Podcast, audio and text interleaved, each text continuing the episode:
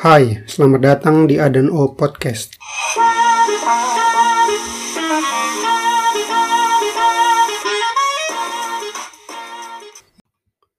Sejak awal terjun dalam dunia penerjemahan, saya bertekad untuk sudah harus selesai dengan keterampilan bahasa asing saya. Wajib rampung, katam. Memang itu bukan keinginan yang keliru. Sebagai penerjemah profesional, kemampuan bahasa asing yang idealnya selalu menjadi bahasa sumber dalam menerjemahkan mestinya tak lagi mengandung cacat. Namun, bukan berarti pengetahuan bahasa ibu lantas disepelekan.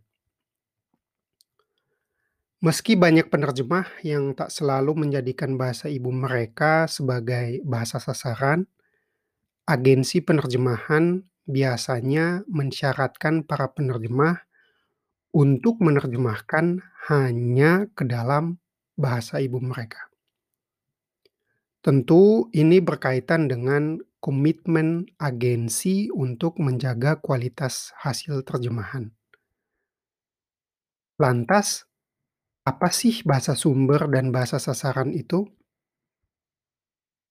Misalkan ada permintaan dari sebuah penerbit kepada saya sebagai penerjemah agar menerjemahkan sebuah novel bestseller berbahasa Jerman ke dalam bahasa Indonesia untuk dipasarkan di Indonesia, maka bahasa Indonesia dalam kasus ini adalah bahasa sasaran.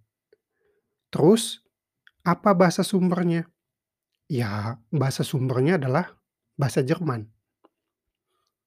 Bahasa Indonesia yang biasa kita sebut sebagai bahasa ibu, ibaratnya anugerah air susu ibu yang telah kita peroleh secara cuma-cuma sejak lahir hingga menginjak usia 2 tahun.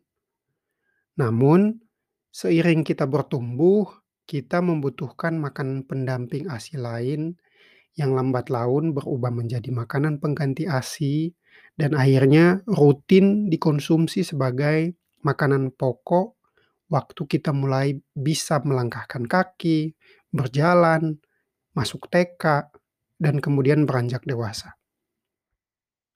Bahasa juga demikian. Bahasa ibu kita ikut berkembang. Bahasa Indonesia turut mengalami perubahan sesuai perkembangan zaman. Kamus Besar Bahasa Indonesia juga terus memperoleh entry baru seiring hari berganti. Ini lumrah terjadi. Beberapa waktu lalu, publik sempat dibuat heboh dengan entry "oalah" dalam KBBI. Padahal, kata yang digunakan dalam ragam bahasa percakapan itu sudah masuk sebagai entry dalam KBBI edisi kelima sejak Oktober 2016 silam.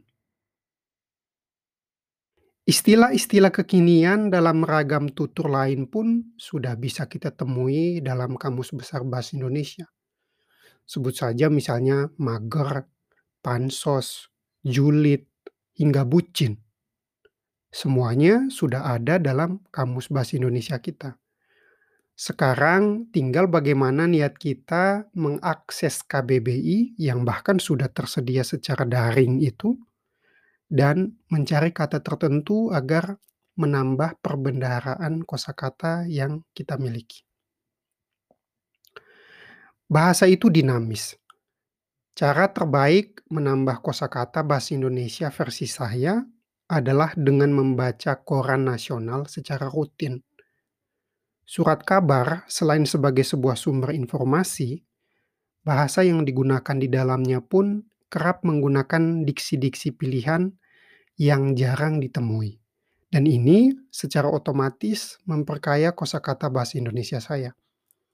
Belum lagi dengan opini para pakar dengan gaya bahasa dan gaya penulisan yang beragam, sehingga makin melengkapi khazanah berbahasa Indonesia saya.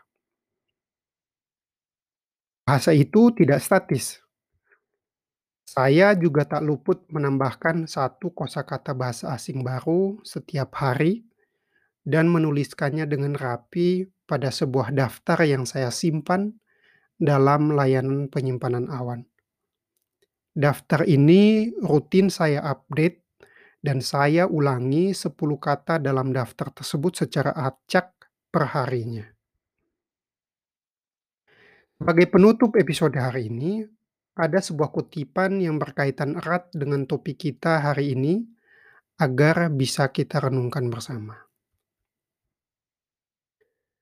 The art of translation lies less in knowing the other language than in knowing your own. Ned Rorem. Lantas, seberapa penting bahasa Indonesia buat kalian?